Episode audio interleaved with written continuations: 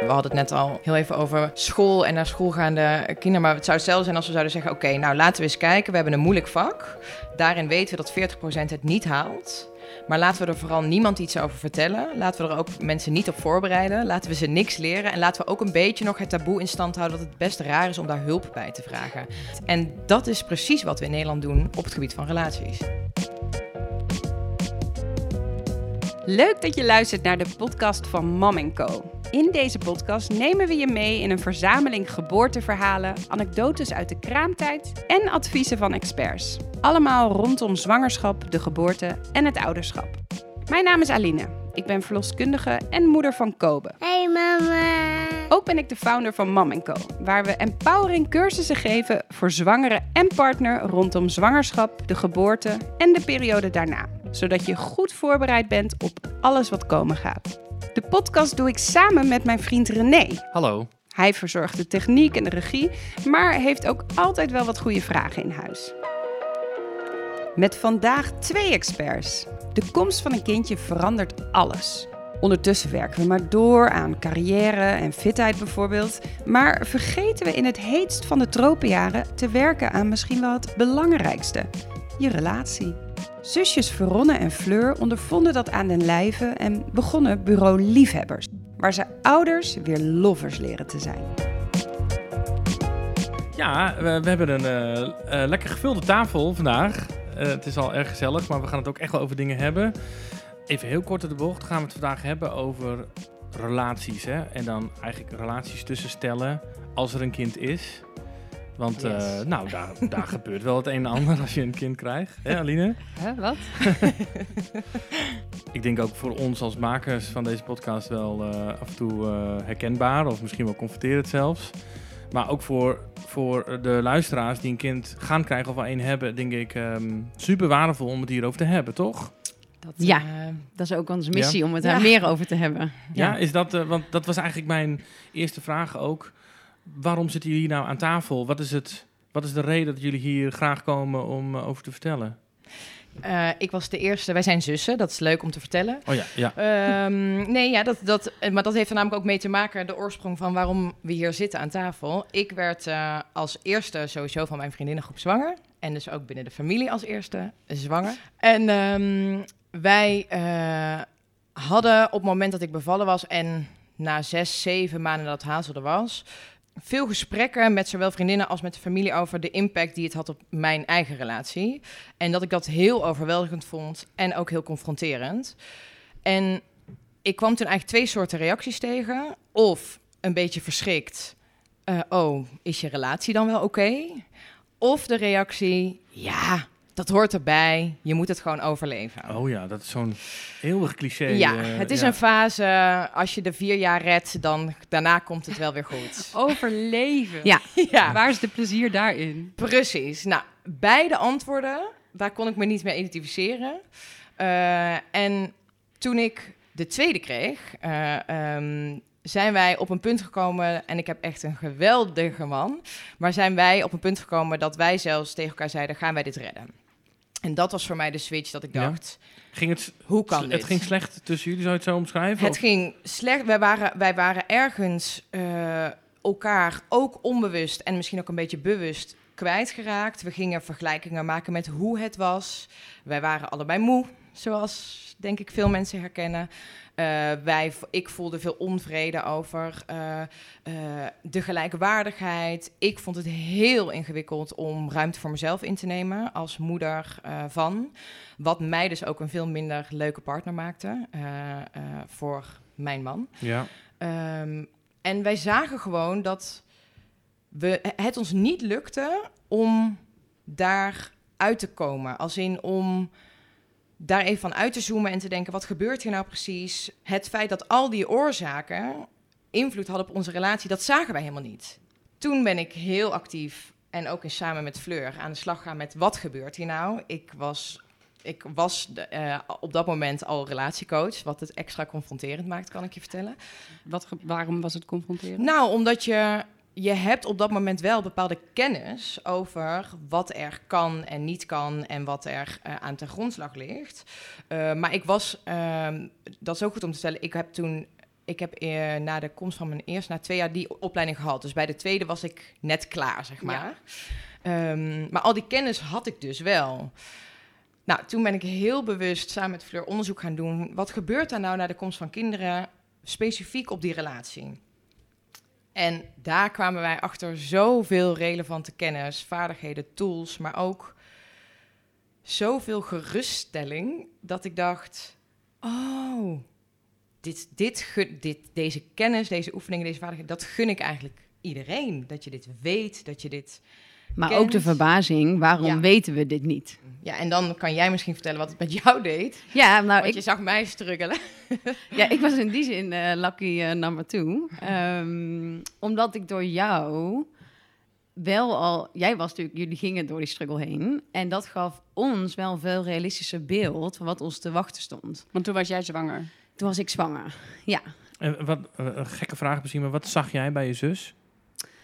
Nou, wel de, de moeite die ze deden. Ze waren fantastisch als papa en mama. eh, maar wel heel erg van ehm, echt aan het zoeken met elkaar en uitvinden. Maar wie zijn wij daarnaast nog samen? Mhm. En dan konden we het nog steeds fantastisch hebben als we met z'n vieren bijvoorbeeld waren. En maar, dan, maar als ik jou... Toen hebben we hebben wel veel gesprekken erover gehad. En vooral ook de eenzaamheid die ik daarin bij Veronne zag. Dat vond ik zo pijnlijk. Omdat ik ook dacht, jij bent niet de enige hierin. Er zijn er veel meer die hier doorheen gaan. En daar, daar, daar moet, wa- waarom is daar niks voor? Ehm, dus ik denk dat ik dat het moeilijkste vond. En voor mij was het... Kijk, bij ons was het geen taboe om daarover te praten. Maar heel weinig mensen zijn echt eerlijk over hun relatie en hoe het echt gaat. Dus dat maakt dat je daar ook heel eenzaam, denk ik, in blijft. En met elkaar daarin ook in die cirkel blijft waar je niet uitkomt. Ja, ik kan me Ja. voorstellen dat het... Het is al moeilijk om naar jezelf toe te... Bedoel, voor jezelf te ontdekken van... Oké, klo- dit klopt niet of zo. Dan ook nog eens met je partner dat te uiten. Ja.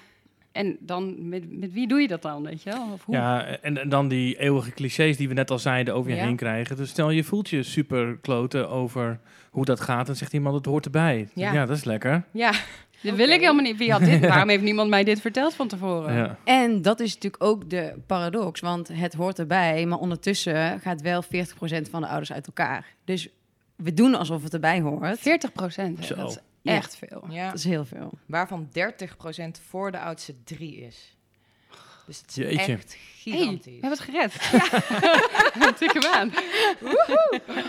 Dus enerzijds, maar het klopt dus eigenlijk niet wat we zeggen, want enerzijds zeggen we dus het hoort erbij en we moeten die tropenjaren overleven met elkaar.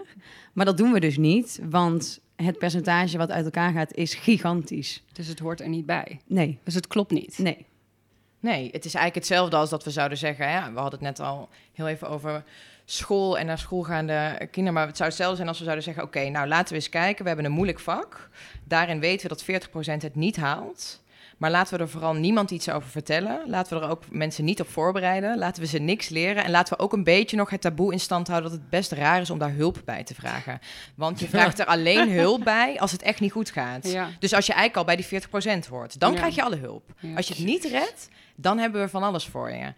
Dat zou in iedere situatie, zou, we, zouden we daarvan zeggen, huh, dat klopt niet. En dat is precies wat we in Nederland doen op het gebied van relaties. Ja. ja, maar als je het zo stelt, inderdaad, ja. Ja, dat is Wat heel een raar. onzin. Ja. nee, nou ja, eh, dit is waar we het vandaag over gaan Ja. hebben met jullie. We zijn heel blij dat jullie er zijn. Ja, Wij Ehm, zullen ook heel eerlijk en open zijn in deze podcast. Nee, ja, in alle podcasts. Maar Ja, dit kan misschien nog wel... eh, alles ligt al op straat. Ja, is het zo. Iedereen. Kan Maar- er ook nog wel bij. Ja. Ja. Ehm, eh, als we een klein stukje eh, teruggaan in de tijd. Waar zijn jullie vandaan gekomen? Hebben jullie hier opleiding voor gedaan? Of is het echt de ervaring die eh, dit gestart heeft? Ik denk dat het meerdere, meerdere dingen meespelen. Wij eh, zijn, onze vader is onderwijzer. Dus wij leren is wel ons echt met de paplepel ingegoten. Het was altijd ontwikkeling, was altijd gesprek aan tafel. Dus ik denk dat dat is wat we hebben meegekregen. Van je mag altijd blijven leren en je kan je altijd blijven ontwikkelen. En, en ook dus op dit gebied. Mooie les trouwens. Ja. Ja. onze ouders zijn helaas gescheiden. Dus dat is ook gewoon een hele persoonlijke ervaring. Ja. Die, je, nou ja, die je verandert. En, Ja. Maar waar je ook dus echt daadwerkelijk natuurlijk de pijn hebt gevoeld van alle zekerheid die wegvalt. En hoe ga je daar, en ja, hoe, hoe vind je daar je weg in? En ik heb altijd wel een voorliefde gehad voor kinderen. En is niet voor niks dat ik orthopedagogiek ben gaan doen en gaan studeren. Oké, ja. ja, ja heel, heel, veel- heel veel jaren in de jeugdzorg heb gewerkt, waar ik dus ook zoveel ouders tegenkwam die elkaar dus waren kwijtgeraakt. En als je het verdriet dan ziet bij ouders zelf, ehm, maar kinderen zijn natuurlijk uiteindelijk altijd de dupe. Ja, dat is vaak zo. Ja. Ja. en waar we het eigenlijk net over hadden, dan zijn er dus heel veel interventies wanneer het mis is gegaan. Terwijl ik ook dacht, oh, maar er is zoveel winst te behalen als het nog wel goed gaat. Ja, en daarbij wel gezegd hebbende, dat vind ik altijd heel belangrijk om te vertellen. Wij zijn absoluut niet pleitend voor je mag niet uit elkaar. Hè? Of je, scheiden is niet goed. In heel veel situaties is het voor zowel de ouders als het kind ongelooflijk goed en, en eh, eh, het beste. Ehm, ik zou me niet eens per se willen richten op die 40% die het, die het gewoon heel lastig heeft en het niet redt. Maar zelfs voor die 60% die bij elkaar is en blijft, ook die hebben hun dingen. Iedere relatie loopt tegen dingen aan. Iedere relatie heeft bepaalde zaken waarvan ik dus als relatiecoach denk, want hè, dat is ook je vraag, waar kom je vandaan? Ik zie gewoon dat iedereen door hulp van een derde zoveel toffe inzichten kan krijgen en het zoveel leuker kan hebben en het zoveel makkelijker kan maken voor elkaar en voor zichzelf. En dat gun ik iedereen. Hetzelfde als dat je denkt, oh, ik wil, wil fitter worden, dan vind het super leuk en inspirerend om een keer naar of een voedingsdeskundige te gaan. Of we kijken een podcast van eh, iemand die daar heel erg mee bezig is. Of we gaan een keer met een personal trainer die ons helpt met de juiste houding. En, en eh, hey, deze oefeningen zijn goed. Dat, dat vinden we leuk en we willen beter worden. En dat is op relatievlak eigenlijk exact hetzelfde. Eh, en wat ik dus leuk vind, dat jullie ook deze podcast beginnen met... oh, wij gaan ook eerlijk zijn. En wij gaan... Dat er dus toch spanning op zit. Eh, van, oh ja, wij zullen ook ons verhaal vertellen. Of wij zullen ook antwoord geven. Ja. Ja, terwijl we zijn, wij zijn super open in Ja. hoe wij met elkaar omgaan. Eh, maar we, we, de- ja, we delen ook wel dat we strubbelingen hebben en zo. Sure, ja, daar Maar- zijn we wel eerlijk in. Maar toch heb je Het is gelijk niet dat het- leuk. Het, is niet leuk om niet altijd on sync te zijn. Wij, ik wil ook dat jij gewoon mijn, mijn hart kan lezen en gewoon precies snapt wat ik wil. En ik wil jou snappen, maar tegelijkertijd wil ik vooral dat je mij snapt. nou, hier heb je het. Nee, maar eh, wat je eigenlijk zegt is dat het wel een taboe Ja, blijft. precies. En nog steeds Ja. is, toch? Ja, Ja, Ja en nee. Wel onder de, onze generaties, de dertigers, is het echt nog steeds een taboe. Maar je ziet wel een nieuwe trend. En dat is onder die twintigers, die sowieso veel meer bezig zijn met die persoon, nog meer bezig zijn met die persoonlijke ontwikkeling. En die zien dus, die, daar, daar gaan veel meer jonge stellen ook al in relatietherapie, maar dus preventief. Omdat die gewoon super nieuwsgierig zijn en willen leren hoe kunnen wij het beste uit elkaar in onze relatie halen. En die gaan gewoon één keer in de zoveel tijd even langs. Oh, Oké. ja. En dat is echt een verschil wat je ook... Dus, dus er zijn eigenlijk twee trends. Ja. Ja. Ik vind het ook wel een leuk inzicht dat het gaat niet om wel of niet bij elkaar blijven. Er is überhaupt ja. voor alle stellen heel veel eh, te doen. Onwijs veel te leren. ja. Ja. maar ik, ik probeer de hele tijd te eh, bedenken een zin. Ik weet alleen niet meer hoe, dus dat slaat ik weer nergens op. Maar dat we gewoon, kijk, je, oh ja, zoiets van, je werkt heel veel, maar je hebt nog veel meer uren in een relatie, zeg maar. Ja. Maar we doen wel super ons best voor ons werk en ons beter te maken op ons Ja. werk. Maar in je relatie, ja, wa- wanneer ga je daar? Bedoel, daar moet je toch ook hard voor werken. Alleen dat, dat wordt, gebeurt niet. Of Nee, weinig. ja, en ik denk dat ik ook wel weet waarom dat komt. Eén, we hebben het helemaal niet geleerd. Niemand vertelt je hoe je moet werken aan een relatie. Dus wat we te horen krijgen zijn eigenlijk twee dingen. Of we zien alle Disney-films, de feel-good movies, die eindigen op het moment in de piek van de verliefdheid. Oh yes, en nu stopt de film. Dus hoe gaat, dan, hoe gaat Ja. dat dan Maar verder? hoe gaat het als ze kinderen Ja. hebben? Hoe gaat het dan als ze kinderen hebben? Hoe gaat- Ehm, dus, dus dat plaatje zien we heel erg. Dus liefde is iets allesomvattends en dat is geweldig. En dat is inderdaad, je bent helemaal met elkaar verbonden. En dat is ook tijdens die verliefdheidsfase natuurlijk zo. En de andere kant is dat werken aan je relatie klinkt heel mooi. Maar als je helemaal niet weet hoe, wat is dan werken? Ja. En hoe doe je dat dan? Ja. Hoe in, toen, ik weet nog zo goed dat ik die opleiding tot relatiecoach deed en echt dacht: oh, dus dit betekent bepaalde oefening, bepaalde vragen, bepaalde onderhandelingsstrategieën, bepaalde inzichten. Dat ik dacht: Kun je wat, wat tof. kun je, eh, als je terugdenkt aan, wat was dan zo een- zo'n moment dat je wat zo'n inzicht gaf? Eh, wat voor mij, het, denk ik in de opleiding het meeste inzicht gaf, is dat ehm, je zo ongelooflijk veel verwacht van je partner. Ehm, dus dat hij je leest, dat hij je snapt, dat hij je ziet.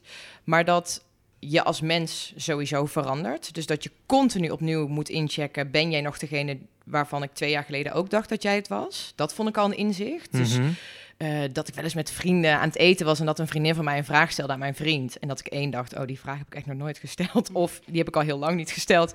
Of dat ik dacht, oh, dat antwoord, dat weet ik wel. En dat hij een ander antwoord gaf. Dat ik dacht, hè? Oké, eh, daar zijn we dus blijkbaar even niet meer. ja, eh, dat je dingen voor lief neemt eigenlijk dus. Precies Zo, ja. dit. En Dus- aannames dus- doet, ja. dus dat die continue interesse en, en, en nieuwsgierigheid naar elkaar echt een vaardigheid is. Dat is iets wat je mo- moet leren bijna. Trainen, ja, een beetje, te- be- trainen, Eh, oefenen. ja. ja. Eh, dat en dat uiteindelijk van heel veel conflict situaties, eh, en dat is ook het allermoeilijkste, maar dat je eigenlijk de vraag moet stellen, wat triggert dit bij mij? Nou zo. Precies. Ja, want daar, het is, het is je relatie tot de ander, maar Ja. vooral denk ik ook de relatie tot jezelf. Ja, En als je dat puur en zuiver hebt, Ja. dan kun je een, een goede relatie hebben met een ander. ja. Of daar samen in leren. Zeker. Dus je mag jezelf de ruimte geven om nog steeds die knallende ruzie te hebben, maar daarna met jezelf te kijken of met elkaar van hé, hey, wat, wat gebeurde daar nou eigenlijk? Wat, wat is het Mhm. wat jij zegt wat mij zo raakt? En in het moment is dat vaak heel erg lastig. ja. Maar daarna, kijk, we maken het vaak wel goed, maar die echte reflectie op wat gebeurt daar dan en wat dan kun je leren. Want dan weet mijn vriend de volgende keer, oh ja, maar ik weet als ik dit zeg, dat bij haar haar autonomie heel erg wordt aangetast. Mhm. Bedoelt hij niet zo, maar dat is wel wat er gebeurt. Dus daar kan ik iets van leren, dus ik moet dat minder voelen of mag dat minder gaan voelen. Maar mijn vriend kan er ook van leren, Ja. van oh ja, dan weet ik in ieder geval waarom ze zo heeft gereageerd. Want dus ik je bedoel leert- het toch goed? Je leert je eigen gebruiksaanwijzing en je partner leert ook jouw gebruiksaanwijzing. Ja. En daar kun je dan mee gaan spelen. Ja. En ik denk dat dat dus precies is wat het zo kwetsbaar maakt in die eerste jaren na de komst van kinderen. Omdat je verandert volledig als persoon. Dus jij bent ook je eigen gebruiksaanwijzing weer opnieuw aan het heruitvinden. Jullie allebei, als, als papa en mama. En dus dat is al een heel proces en zoektocht. Maar als je allebei verandert als mens, verandert dus ook je relatie. En dat hoeft niet goed of slecht te zijn, maar dat het verandert, is een feit. Ja. En dat is waar we denk ik volledig eh, op, nou ja, in ieder geval onvoorbereid zijn. En, en daar ook niet bewust van zijn. Dat dat ook tijd nodig heeft. En dat je daar heel erg dus met elkaar moet blijven inchecken. Hoe, wie ben jij eigenlijk nu? Ja. Ja. En wat heb je van me nodig? Ja. ja, ja. Ja. Eh, als we dan kijken naar jullie praktijk, om Ja. maar even zo te omschrijven. Eh, jullie spreken natuurlijk onwijs veel stellen en mensen die het eh, nou, eh, van goed tot slecht eh, Ja. vergaat. Ja. Kun je spreken van een aantal grote thema's of een aantal issues die, die je vooral ziet, die, die vaker gebeuren? Wat, wat zijn de, de belangrijkste dingen die jullie zien? Nou, is misschien wel eh, even een vraag aan jullie te stellen. Jullie zijn hier natuurlijk ook doorheen gegaan of gaan hier doorheen. Wat zijn, waar, waar zijn jullie? Hoe, wat was de impact op jullie relatie? Hmm, hadden we dit, van, dit hadden we van tevoren wel even over na kunnen denken eigenlijk. Ja, ja. Ik denk dat ik in een overdrive ben gegaan. Dus ik doe het allemaal wel. Ik ging hard werken, ik ging alles controleren en het moest goed gaan. Waardoor ik denk ik veel ruimte daarin heb genomen en van jou hoge verwachtingen heb gehad, die jij niet altijd na wilde, hoefde, Of kon, kon, kon, kon komen. Sorry. Eh, ik denk dat dat echt een groot onderwerp wel is geweest, waarin ik heb echt heb moeten leren: hey, hallo, ik ben hier niet alleen en eh, het hoeft niet allemaal gecontroleerd, want de plezier gaat weg als ik alles controleer. Dus daar wat, wat verzachting in. Ja, denk dat eh, herken ik wel. Ja, ik denk, ik denk wel dat Aline wel eh, soms wel een beetje een soort oogkleppen op kon doen en maar gewoon eh, het deed zonder echt te zeggen wat ze dan ging doen of moest doen of wat ze van mij verlangde. En ehm, dat je dan een beetje uit contact gaat eigenlijk. En dan, ja, weet niet, dan wordt de sfeer, dan word je gewoon een beetje grumpy en Mm. eh, is het gewoon niet, dan gaat de gezelligheid ook eh, weg op sommige momenten. Jij haakt dan ook af. Mhm. Dus jij haakt niet aan, want dat kan ook niet. En dat is ook niet eh, logisch, want mijn tempo is niet jouw tempo. Ja. Eh, Maar ook omdat het dan niet uitnodigt natuurlijk op eh, Precies, dat soort momenten. ja. Nou, dus dat was voor mij. en voor jou? Ja, weet je, ik denk dat ik... eh, iets wat ik denk ik wel heb gedaan is een beetje... mezelf wegcijferen in de zin van... ehm, om een soort van heel dienstbaar eh, gewoon er te zijn en eh, op te stellen. En een beetje in een wat passieve vorm, denk ik. Zo van, nou, ik ben er, Oh ja. punt of zo. Ja. Denk ik. Herken jij dat als ik dat zeg? Ja, ik denk dat het heel erg aansluit bij wat ik net zei. En ik denk dat we nu meer, ehm, dat we daar veel meer, dat, dat het veel actiever is van mijn Ja. kant. Dat ik veel meer zelf denk, ik ga dit doen. Maar dat komt natuurlijk ook door ervaring, het ouderschap en een beetje persoonlijke ontwikkeling eh, te doen. Ja, maar, we hebben die training, persoonlijke ontwikkelings- eh, of persoonlijk leiderschapstraining gedaan. En daar dezelfde hebben we gedaan. Ja. En daarin hebben we zoveel geleerd. En hebben we dus inderdaad tools gekregen over nou, hoe, hoe kijk je naar jezelf? Hoe analyseer je hoe je omgaat in een bepaalde situatie? En omdat wij beide deze training hebben gedaan, eh, kunnen we dus elkaar daarin ondersteunen. Weet je, als ik bijvoorbeeld eh, als een tornado door het huis ga, wat eigenlijk niet meer voorkomt, maar toen heel veel voorkwam, Ja. dan, dan kun jij mij nu zeggen van, hé hey Aline, ja, nu in wel. verbinding. Ja. Hier Ja. ben ik. Kijk naar me. We Ja. praten met elkaar, we zijn met elkaar. Wat kunnen we doen, weet je? In plaats van eh, zo. Ja. Of Ja. even rustig. Of, eh, Ja. Ja, ja. Ja. Waarom zo rustig? Ja. Je bent uit verbinding, Aline. Ja. Adem eventjes naar je buik. Ja. Oké. ja. Ja, ik zeg wel eens eh, dan nu, maar dan, we komen weer terug op jullie vraag hoor. Maar de, de oplossing voor uit verbinding zijn is in verbinding gaan. Dus het is heel Super simpel. makkelijk eigenlijk. Maar doe dat maar eens. Als je, als je boosheid voelt, weet je wel, dat je Oh, en moe bent. Ja, oh nee, liefje, in verbinding. Ah, Ja. Helemaal alles van me, alles glijdt van me af. Ja. Maar, maar om, om op jullie vraag terug te komen, ook simpele dingen als ik ging een biertje drinken met vrienden en voelde me vreselijk ongemakkelijk daarbij Ja. dat ik het huis uit ging. Ja. Terwijl ik Eh, dacht, go for it, weet je wel. ja. Enjoy. Als jij blij we- weg bent, dan kom je blij terug. hey, dat, ik vond het geweldig als je wegging. Maar dat vond jij heel moeilijk in het begin. Ja, ja. Ja, ik denk dat dat ook is. Dat gaat eigenlijk heel erg over dat je opeens natuurlijk ook andere kanten van elkaar leert kennen. Want je krijgt er een hele grote rol bij. En dat is papa en mama. En dus die transitie is natuurlijk gigantisch. En dat is eigenlijk wat jullie ook zeggen. Van, ik ging opeens andere dingen doen die ik misschien ook niet van mezelf verwachtte. Jij voelde je schuldig als je wel even tijd voor jezelf eh, nam. Ja. Want ik deed dat vervolgens niet. Nee, maar hij wilde dat wel van mij. Maar ik dacht, ja, nee, dat kan niet. Want ik moet toch dit doen. Ja. En ik heb natuurlijk een bedrijf. Hè. Daar ging, ik bedoel, ik heb twee kinderen, een bedrijf en een Ja. Dus eh, daar ging, er was geen ruimte. Waardoor je inderdaad, wat jij net ook zei, dat je dan toch een leuk, minder leukere partner, of minder leukere moeder bent als je niet voor jezelf tijd maakt. Taakverdeling is altijd Ja. een, een ding wat altijd terugkomt. Merken we ook in onze workshops dat Ja. altijd de taakverdeling een issue is. Maar ook alle ballen hoog moeten houden, want we hebben heel veel rollen natuurlijk. Wat je ziet is dat we ontzettend veel energie steken in papa, mama en werkgever of werknemer zijn. En dat de leftovers vaak voor de partner. Nou ja, letterlijk de leftovers. Waarin Ja, je ook nog niet de beste versie van jezelf bent. Want dat moet je op al die andere, in al die andere rollen, moet je daar al heel hard je best voor doen. En dan wat er overblijft is dan voor de partner. Dat is een thema wat je heel veel ziet. Omdat er natuurlijk zoveel focus gaat naar het kind. Wat super logisch is. En zeker in die eerste fase in de kraamtijd. En daar zijn we ook helemaal pro. Van, Ja. Dat is ook gewoon voor je kind. Dan ben je ook gewoon papa en mama. Dan is alle focus daar naartoe. Maar je moet dat wel weer gaan terugpakken. En hoe kun je daar een balans in vinden met elkaar? En het zou... ja. Die leftovers moeten niet voor je partner zijn. Laat die leftovers voor iets anders zijn, maar Ja. niet voor je partner. Ja.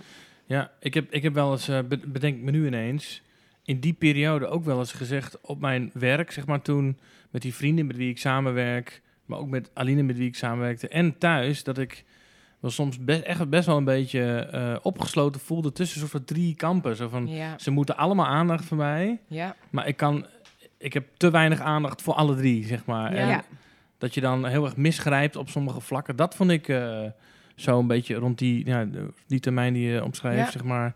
Dat vond ik toen... eh, En daar worden we ook Moeilijk. in gedwongen in de maatschappij. Want we verwachten ook dat je nog steeds even goed presteert op je werk en even aanwezig bent. Ja. En dus we doen het ook, natuurlijk de maatschappij waarin we ook leven, gebeurt dat ook. En als je kijkt naar andere landen waar het verlof bijvoorbeeld al duizend keer beter is geregeld, dan heb je al zo'n andere start. Maar dan heb je hier bijvoorbeeld al veel minder last van, omdat je al veel meer samen Ja. door die eerste fase heen gaat, kunt wennen. Ja, dus het zijn ook af en toe factoren die buiten jezelf liggen, waar je ook gewoon niet Heel zoveel veel. aan kan doen. Ja. ja. Ja, en ik denk een belangrijk thema wat we nog niet hebben benoemd, wat we wel heel veel horen, is intimiteit en seks. Wat Uit, eh, eh, ongelooflijk verandert na de komst van kinderen. Wat ongelooflijk normaal is. Dat vind ik zo belangrijk om te zeggen. Eh, en ook zo te verklaren, zowel fysiek als emotioneel, met wat er allemaal gebeurt. En dat is echt niet alleen het eerste jaar na kinderen, dat is veel langer zo. Zeker de eerste vier jaar. Eh, ja. Nee, ja, maar daar lopen, Zeker. wij, lopen wij ook tegenaan. En het was bij ons al in de zwangerschap, want mijn placenta lag voor de uitgang. Dus Oh, wij ja. mochten geen seks hebben, Oh, omdat we dan kans hadden op een vroeggeboorte. Dus dan heb je al zo lang geen intimiteit. Ja, Ja. wij zijn super intiem, want we houden elkaar vast en we Dat is ook knuffelen. intimiteit. Ja. En Dat is ook intimiteit. Maar echt seks, zeg maar, als je het hebt over penetratie of zo. Ja, dat eh, is toen helemaal niet gebeurd. En nou, ja, de jaren daarna hebben wij, wij zijn niet, eh, we voldoen niet aan het gemiddelde of zo. Het ligt eraan of je het Gaat eerlijk wel beter wil nu, doen. hè? weet, ik, weet ik niet. Maar, maar ja, ja, wij werken daar nog steeds Ja. aan om dat, Ja. Ja. om dat nou, te verbeteren, wil ik wel zeggen. Ja. Ja. Ja, en dat lukt, dat lukt al door gewoon aandacht en tijd voor elkaar te maken. Maar dat is zo moeilijk met een klein kindje en je bent moe en je hebt al, alle factoren die we al genoemd hebben. Ja. Ga dan ook nog maar eens je sexy voelen en Ja. hey schatje, ik vind jou ook eh, leuk en sexy. ja. Maar kun je wel even nog de was doen, want Ja, de vulde precies. ligt vol. Nou, precies. nou, en wat ik daar denk ik echt, en hier geloof ik in, als wij hier dus ehm, veel meer kennis over gaan krijgen. Ik weet de transformatie die Fleur en ik allebei zijn doorgaan. We hebben hier dus met een seksuoloog heel intensief een, een, een masterclass voor ontwikkeld. Maar die seksuoloog heeft ons ook eerst geleerd: hey, wat gebeurt er nu en wat kun je doen en kennis. En ik merkte dat ik weer veel meer plezier kreeg in seks. En dus niet de seks waarbij ik dacht dat is penetratie, Mhm. maar de seks in ondeugende appjes sturen. In, hey, wij zien elkaar dus wel nog als seksueel persoon. Niet all the time. En zeker niet na een dag met kinderen waarvan ik echt aan het eind van de dag denk... Leave me alone. Niemand Eh, raakt me meer aan. Eh, maar wij hebben gesprek gevoerd over, hey, waar, wanneer voel je je nou sexy? Ik voel me niet sexy als ik mama ben geweest of aan mama aan het zijn ben. Ik voel me sexy als we samen uit eten gaan, ik me leuk aangekleed heb. Niet te veel wijn drinken, want dan ben je alweer over de Precies, sexiness dan ben je kapot als je thuis ook komt. vaak fouten gemaakt. ja, dan ben je weer kapot. Eh, maar, maar alleen al even dat soort gesprekken voor. En bijvoorbeeld een van de tips van de seksoloog, die zei tegen mij... Vonne, je bent nu heel erg aan het kijken naar wat er niet is. Maar wat is er nog wel? Dus wanneer heb je momenten van ondeugendheid met je partner? Wanneer, welke seksuele ervaring vind je nou echt leuk om aan terug te denken? En ga dat eens met elkaar weer delen. Ga eens denken, hey, dan vind ik je sexy. Of benoem dat eens op een dag. En zulke kleine dingen die voor zo'n transformatie zorgden. En het is niet per definitie dat mijn frequentie nou op zes keer in de week zit. Totaal niet. Maar het feit dat het voor ons nu allebei naar tevredenheid is. En dat we ook die momentjes hebben die niet meteen leiden tot seks. Maar die er wel voor zorgen dat we eigenlijk weer die spanning voelen. Ja, die speelsheid toevoegen. Speelsheid, Ja. die, die, die, die een beetje avontuur. Ja. eh, En het gemiddelde zegt ook niks, hè? Nee, want voor, de- dat is ook zo. Want wat voor mij, wat, voor- wat voor ons werkt, dat werkt. En als het voor een ander veel te weinig is of veel te veel is, ja. Ja, en, en net kwam het al heel tussendoor even te sprake. Intimiteit en seks moet je dus ook los zien. Want Absoluut. je kunt dus ook... Intimiteit kan dus ook heel veel eh, betekenen voor een stel. Door gewoon Ja, iets liefs, gezelligs of zo. Ja. eh. Maar intimiteit betekent natuurlijk ook kwetsbaar durven zijn en je behoeften uit kunnen spreken. Even los op ja, seksueel dat is waar, ja. ja. Maar überhaupt dat kunnen doen. Dat kan al in een gesprek zijn, bedoel Ja. je? ja. ja, dat is ook intiem zijn met elkaar. En dat linken we natuurlijk altijd aan iets seksueels. Maar dat is natuurlijk, het is zoveel breder dan dat. Ja, want doordat je dat doet, maak je een verbinding met elkaar. Ja. Eh, en dat maakt weer een opening tot meer intiem contact. Of fysiek contact. Het of leidt eh, contact. Ik had het met mijn vriend over dat heel vaak lagen we dan in bed en dan oké was hij er klaar voor dat ik zei ja sorry maar ik heb echt iets meer Ja. hiervoor nodig. Waarop we op een gegeven moment de afspraak hebben gemaakt. Eén avond in de week, geen telefoon, geen tv, niks wat afleidend is.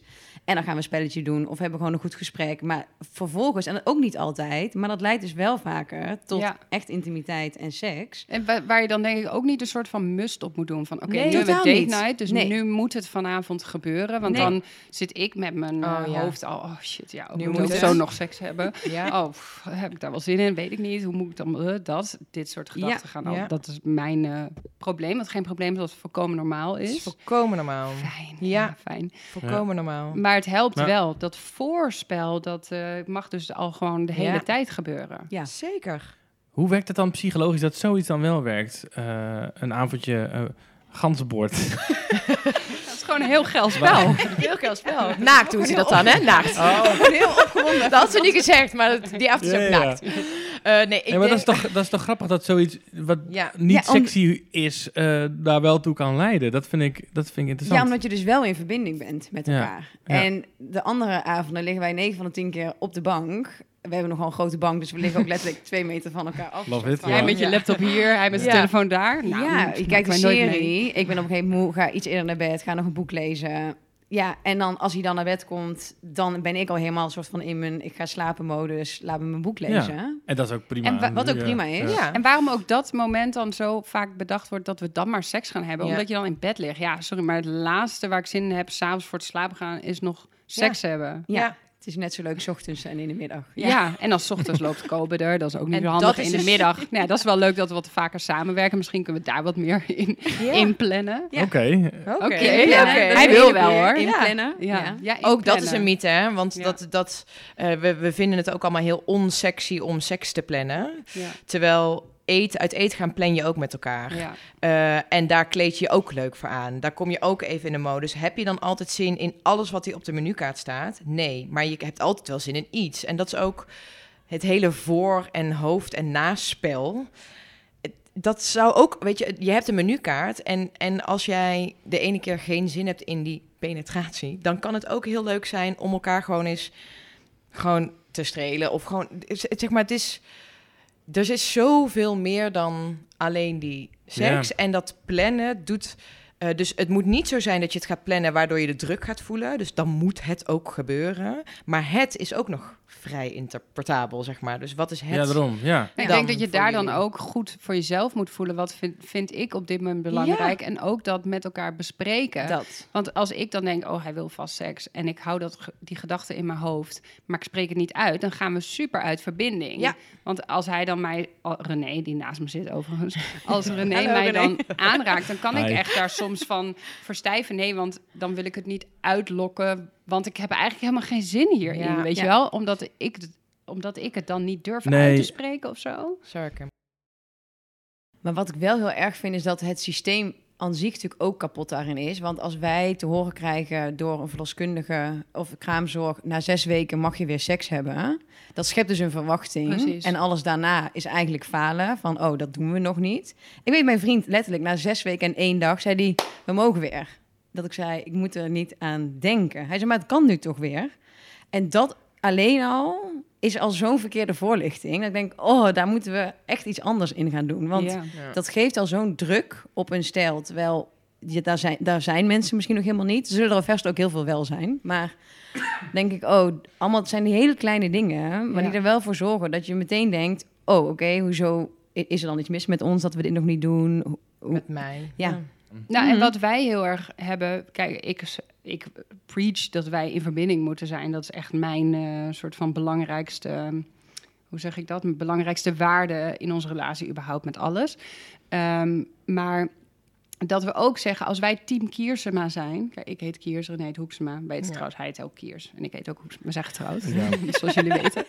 Ehm, maar eh, als wij ons team Kiersema voelen, dan is het aan, weet je Ja. wel? En dan Sky's zijn, we the limit. verbo- dan zijn we verbonden en dan, dan heb je zin in seks. Dan heb je zin in plezier. Dan voelen we ons krachtig samen. Dan hebben we leuk met Kobe en dan is alles goed. En dan zijn we, ja, en dat is super fijn. Als we dat hebben, ja, dan eh, zijn wij geslaagd, zeg maar. Maar Ja. dan moet je volgende Ja. week weer opnieuw en dan weer opnieuw en dan weer opnieuw. Ja, Ja, maar dan kan je wel reflecteren. Precies. Ja. Ja. Als je een beetje weet hoe het moet, dan... Precies. ehm, En ik denk, Aline, dat is heel mooi wat jij net zegt. Op het moment dat wij helemaal in verbinding zijn, gaat het ook makkelijker met kopen. Hebben wij veel meer plezier. En ik denk dat dat ook is waarom, wat ook echt onze missie is. We lezen natuurlijk duizend en één opvoedboeken. En nou, mijn social media staat er vol mee met hoe voed je nou op. Waar je überhaupt wel zeker van wordt, want iedereen zegt iets anders. Dus hoe moet je het doen? ja. Maar ik denk dus als je met elkaar en de relatie gaat goed, dan is het opvoeden ook zoveel makkelijker. Als jullie oké zijn, dan is het opvoeden, echt, nou niet piece of cake, maar dan Makkelijker. is het echt makkelijker. Ja. en ik En denk dus, leuker. en leuker. Ja, dus ja. ik denk dat je 100%. veel meer het welzijn van ouders op één gaat zetten en daarna pas dat opvoeden. Ja. Terwijl we worden we mee doodgegooid. Oké, hoe voed je je kinderen op? Ja, Ja, maar ga eerst even met elkaar ga aan de elkaar tafel even zitten. opvoeden. Of Ja. jezelf opvoeden. Ja. Dat is wel echt een goed punt om te zeggen inderdaad. Want eh, ja, nou ja, dat dus. Als je samen sterker staat, dan voed je dus ook leuker op in ieder geval. Is in ieder geval leuker. Ja, en om dat nog even aan te zetten, want dat is, vind ik, dat is, als je het hebt over wat is nu echt mijn innerlijke drive waarom we dit zijn gaan doen.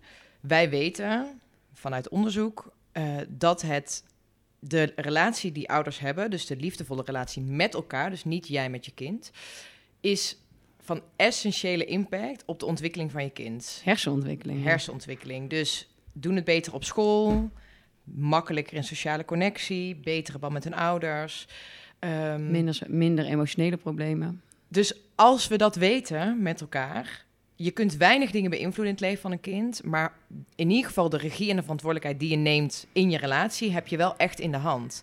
En een liefdevolle relatie betekent echt niet nul ruzie, nul irritatie, nooit een keer schreeuwen waar je kind bij is, want dat doen we allemaal. Mhm. Maar precies kunnen wij met elkaar continu weer kijken naar hoe we die verbinding maken en hoe we door die fases heen bewegen. En als dat lukt, is dat dus het mooiste wat je eigenlijk aan je kind kan meegeven. Dat is een bruggetje misschien naar de, de welbekende date nights. Dat is wat wij natuurlijk vaak horen als wij mensen vertellen van... oh ja, nee, maar wij doen het wel goed, want we organiseren wel echt die date nights... en dat houden we echt goed vol en super geweldig, want dat is ook heel belangrijk.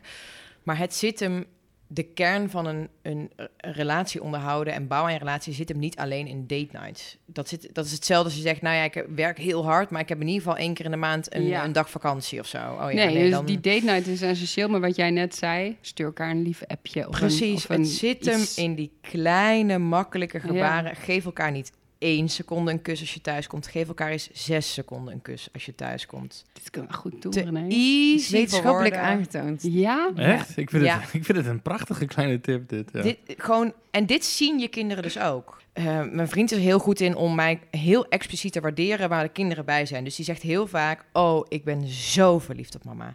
Of Oh, ik vind, ik vind mama zo mooi. dus dat gaat, Oh, Ja, gaat op. dat gaat dus niet Ja. eens over mijn rol als moeder. Maar gewoon, en dan, dan zegt hij zo: Oh ja, ik vind mama ook mooi. Maar, maar ze krijgt daar wel iets in mee van: Oh ja, je mag elkaar. Dus waardering. Ze geven elkaar even wat. Ja, Ja. ja, zij doen even iets En voor jij voelt je gezien, Ik voel me op dat moment enorm gewaardeerd. Ik moest ineens denken, zo een beetje richting het einde van deze opname.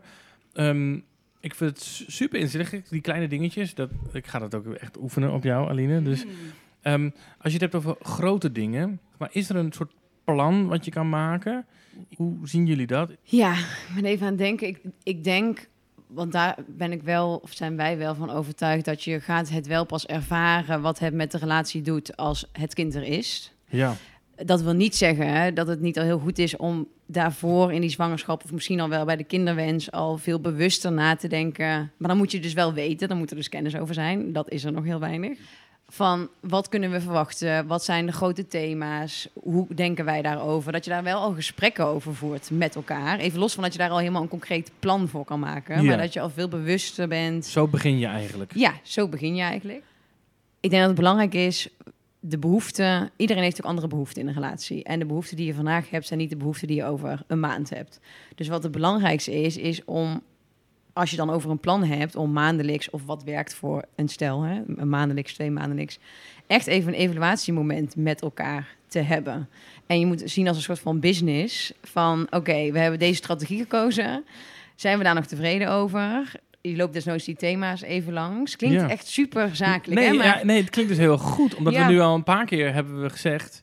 We werken dus heel hard aan eh, op school. Het studie, een werk, je baan, je ambities. Dat eh, is ook allemaal met evaluaties. Ja. En, eh, dus ja, juist Ja. zo maar doen dan. Ja. Ja. Ja, en bijna gewoon dat je kan kijken, oké, waar ben ik daar nog tevreden in? Jij, zo niet. We gaan even onze strategie aanpassen. We gaan dit proberen. Oké, hoe gaan, wat betekent dat voor morgen? We gaan het zo anders doen. Nou, en dan denk ik dat je dus automatisch al zoveel meer in verbinding blijft, omdat je continu kunt checken bij elkaar, zijn wij nog allebei happy? En zo niet, oké, we gaan onze koers wijzigen. En Ja. dan gaat denk ik ook de angst ervan af om daarover te praten, want de relatie gaat, heeft allerlei emoties. En ik denk dat we daar niet bang voor hoeven te zijn. Maar dat we het juist veel meer moeten gaan omarmen met elkaar en gaan kijken... oh ja, oké, nou, dit werkt dus niet. Ja, Oké. Hier hebben we nog wat te leren samen. Ja. Ja. en daardoor leer je ook om met jezelf in contact te zijn. Want ik hoorde je net ook zeggen, ik vond het soms ook heel moeilijk om te ervaren, waar heb ik dan behoefte aan? Ja. En als ik al weet waar ik behoefte aan heb, durf ik daarop te schakelen. J- jijzelf eh, bedoel je? Ja, ja, Ja. en ik hoorde Aline- net ook zeggen van dat, dat dat soms, dat hoor ik veel vrouwen eigenlijk met name zeggen in de eerste paar jaar van het, ik, ik weet soms niet meer wat ik wil. Geen ik, idee. Ik weet gewoon echt Überhaupt niet meer waar ik behoefte aan heb. Dus laat staan dat jij als partner daar op in kan spelen, je partner erin kan Ja, ondersteunen. dat gaat je, niet. Ja. Dat gaat, en dan, wat je dus ziet, een terugtre- terugtrekkende beweging van de partner. Want die denkt, ja, ik weet het ook niet. Ik probeer A, ik probeer B, ik probeer C. Maar ja, de ene keer werkt A en dan word ik mijn hoofd afgehakt bij B. En dan, laat maar zitten. Ja, en Dus- daar is ook een soort van eigen regie weer nemen, weet Ja. je wel? Want het is een slachtofferrol aannemen. Heel erg. Om niet te zeggen wat je wil, of ook niet om te onderzoeken wat je Ja. nodig hebt, of wat je wensen of verlangens zijn. Dus daar zit gewoon een slachtoffer in. Ja, Ja. en we verwachten daarin dus van een partner Juist. veel te veel. Ja. Dus wij verwachten, even hoog over verwachten we veel van een partner, want hij moet je beste vriend zijn, je, je, hij moet zakelijk je kunnen inspireren, hij moet je ook enorm spanning kunnen brengen en hij moet ook nog je, de, de liefste zijn voor je ouders. Eh, en daarnaast, ja, als je allemaal aftikt, lekker. Best goed hoor. Eh, Nee. hartstikke goed. Best goed. Eh, en daarnaast eh, verwachten we ook dat mijn behoeften voor minstens 80% vervuld worden door mijn partner. Dat kan helemaal niet. Nee. Dat kan helemaal Nee, niet. het is ook een beetje een afhankelijke positie. Ja, maar we doen het En allemaal. ook heel veel kans ja. op teleurstelling. Ja, Ja, heel Ja, veel daarom. kans op De teleurstelling. hele tijd. De hele tijd. Ja. Maar we leren Ja. dit dus ook nergens. Ja, als je in therapie en in coaching gaat, dan ga je hier samen achterkomen. Dan ga, daarom zijn mensen vaak heel, als ze op tijd komen, heel blij met coaching, therapie. Ja. Omdat ze daarin zien, hé, hey, maar, Maar nu ze, begrijp ik ja. dit, nu snap ik dit, nu snap ik ook waar jij vandaan komt. Eh, eh, ja, en dat, dat gunnen wij zo erg, dat mensen dat Ja. sneller leren dan, oh, wij zitten nu wel in de shit, we gaan met iemand praten. Ja, Ja. dat proberen wij ook met, met die, onze online cursus, het vierde Precies. trimester. Die willen we ook het liefst dat mensen die in de zwangerschap Ja. al doen. Want Ja. als je het na de zwangerschap doet, ja, waar haal je dan nog de tijd vandaan? En moet je dan opnieuw uitvinden? En dat kan ook. Hè? Ja. Dat, bedoel, maar als je het al in de zwangerschap doet, als je hier al in de zwangerschap op voorbereidt, Zo dan wordt die landing veel zachter daarna. En, Een ja, zaadje, zaadje planten voor... Ja, eh, desnoods inderdaad dat je een dat gaat doen. wat- Ja. Ja. Ehm, wat ook bij mij naar binnen schiet, is dat we natuurlijk deze afgelopen jaren dat we binnen hebben gezeten, eh, je, je wordt ook niet, eh, je relatie wordt ook niet aan de buitenkant soort van eh, gespiegeld, weet je wel? Van hey, dat je gewoon weer even gaat denken van, oh hey, ja, wij zijn dat, weet je wel? Wij Ja. zijn leuk. En je krijgt een soort feedback van je omgeving. En dat hebben we natuurlijk heel lang niet gehad. En ja, dan kun je echt wel een beetje soort in zo'n eh, komen. Dus daardoor naar buiten gaan is ook gewoon met elkaar naar buiten gaan. Ja. samen verliefdig doen zijn. En hoe aantrekkelijk is het om je partner met anderen te zien interacteren? exact. Om verrast te worden door Ja. een antwoord wat hij geeft, waarvan je denkt, hey, Ik vind het al aantrekkelijk dat hij hier met mij deze podcast maakt. Ja. Dat is echt, en daar hebben we allebei veel plezier in. Dat wij echt denken, oh yes, morgen Ja. de hele dag podcast. Dat, Ja, is dat is ook heel leuk, ja. Dat is heel verbindend. Dat is ook Onwijs. supergoed voor onze relatie. Ook al is het werk. Ja, voor ons is dit een heel verbindende factor ook. Ja. Ja. zo tof. ja. Wat wij heel erg terugkrijgen van ouders die met ons werken, is dat het heel erg lekker kan zijn om af en toe door een derde bevraagd te worden. Het is fundamenteel anders als ik aan mijn vriend vraag: hey, wat vind je van ons seksleven op dit moment? Dan zit daar een bepaalde emotie, misschien wel oordeel, dan klapt er bij hem meteen een gevoel in.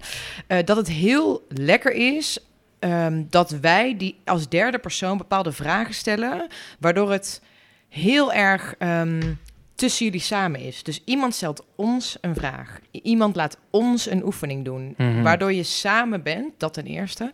Maar waardoor je ook, en ja, dat blijven wij vergelijken met de personal trainer. Het is gewoon heel lekker om in die sportschool even gepusht te worden Nou. tot, oké, maar je kan nog een stukje verder. hey, we denken dat als je deze oefening probeert, dan ga je iets heel anders ontwikkelen dan die tien apparaten die je altijd al gebruikt. Ja, Eh, nou, ik heb één keer eh, met een personal trainer... eh, eh, ik, ik, dacht, ik dacht, bel 112, dacht ik de volgende dag. Ja. Ja, die ervaring willen wij niet met... Nee, die Nee. ervaring hebben wij niet. Nee, maar, maar ik denk wel wat we zowel van mannen, ja, eigenlijk misschien nog wel meer van mannen dan van vrouwen, die zeggen: het is zo lekker om af en toe even ook getriggerd te worden door iemand die daar ook kennis van heeft. Maar dat, ja, dat voelt heel oordeelloos Ja. en lekker en oh. Het kan dus heel leuk zijn in plaats Ja. van over... Mhm. wij, wij gaan even een moeilijk gesprek voeren nu. Nee, Of een, Terwijl we dat ook niet denken als we een cursus van werk gaan doen. Oh, oh. Oh, we gaan nu eh, weer heftig. zeiken. Ja. Of, eh, Nee. ja, maar we hebben wel veel mannen die in het begin zeiden... Ja, jezus, wat moet je dan op zo'n avond doen? Dan krijg je alleen maar verwijten en gezeik. En Oh. oh, ik heb hier geen zin in. En oh, wat komt dan allemaal op Nou, tafel? Wat, eh, dat is waar de magic liggen, toch? Precies. Waar, waar de spanning zit. En je doet het toch niet. Op, ook niet op een date night. Je, je checkt misschien wel even in. Maar je gaat niet zo Nee. even de diepte Je bent in. toch moe en... be- Ja, maar je wil het ook leuk En je wilt hebben ook leuk hebben. Ja. Ja. Als in Ja. echt alleen maar... Je wil ook even het over niets kunnen hebben. Ja. En ik denk ook de handvatten die jullie kunnen geven, dat dat een heel mooie start is of zo. Ja. Een basis is waarop je voort kan borduren. Absoluut. Want het is ook kilometers maken. De laatste vraag eh, van dit prachtige verhaal. Het is misschien een beetje een basale, gekke, grote vraag. Maar is er een soort summum wat je kan bereiken? Een soort ja, status waar je als stel in terechtkomt? Een soort van Bestaat dat? De next level eh Ja. liefhebber. Nirvana. Ja. Wat zo ongelooflijk vet is aan relaties, is dat je samen de vrijheid en de ruimte hebt om zelf te bepalen wat jullie relatie goed maakt of het summum maakt. En ik denk dat we die vrijheid nog veel meer mogen pakken. Dus, dus wat vind jij geweldig in een relatie? Wat heb jij nodig en hoe kunnen we dat samen met elkaar creëren? Er is niet één formule van de gelukkige relatie. Misschien ook maar goed. Wat er wel echt is, en dat is ook onderzocht, is dat de eh, overkoepelende kenmerk van een stel wat zichzelf gelukkig ziet, is dat ze in staat zijn en de vaardigheden hebben en de tools hebben om te leren hoe ze door de verschillende fases van en het leven en de relatie moeten bewegen. Dus dat ze in staat zijn om in de highs en in de lows, om elkaar continu te blijven vinden, te zien en ook elkaar te blijven herontdekken. En daar ook bewust voor te kiezen. Want Ja. dat is ook echt een keuze die je met elkaar maakt. Als Ja. je dat kan. En als je dat samen kan Ja. en daar ook bereid toe bent om daarin te blijven investeren, want het is niet altijd leuk en het is ook niet altijd makkelijk. eh, Maar het is het eh, wel waard. Het is het wel waard. Sowieso voor jezelf, maar ook zeker voor je kindjes. Ja, prachtig verhaal. Ehm, ja, ontzettend bedankt. Dank, Dank ook voor jullie wel. jullie openheid en leuke verhalen en veel herkenning. Leuk dat je luisterde naar deze aflevering. De Mam Co podcast is een productie van Mam Co. De plek voor een cursus ter voorbereiding op de komst van je baby. Of de periode daarna. Online en offline. Check voor meer informatie www.momenco.nl en volg ons natuurlijk op Instagram. En ben je net als wij gek op geboorteverhalen? Check dan ook onze eerder gemaakte podcast Adem in, Adem uit. Tot de volgende!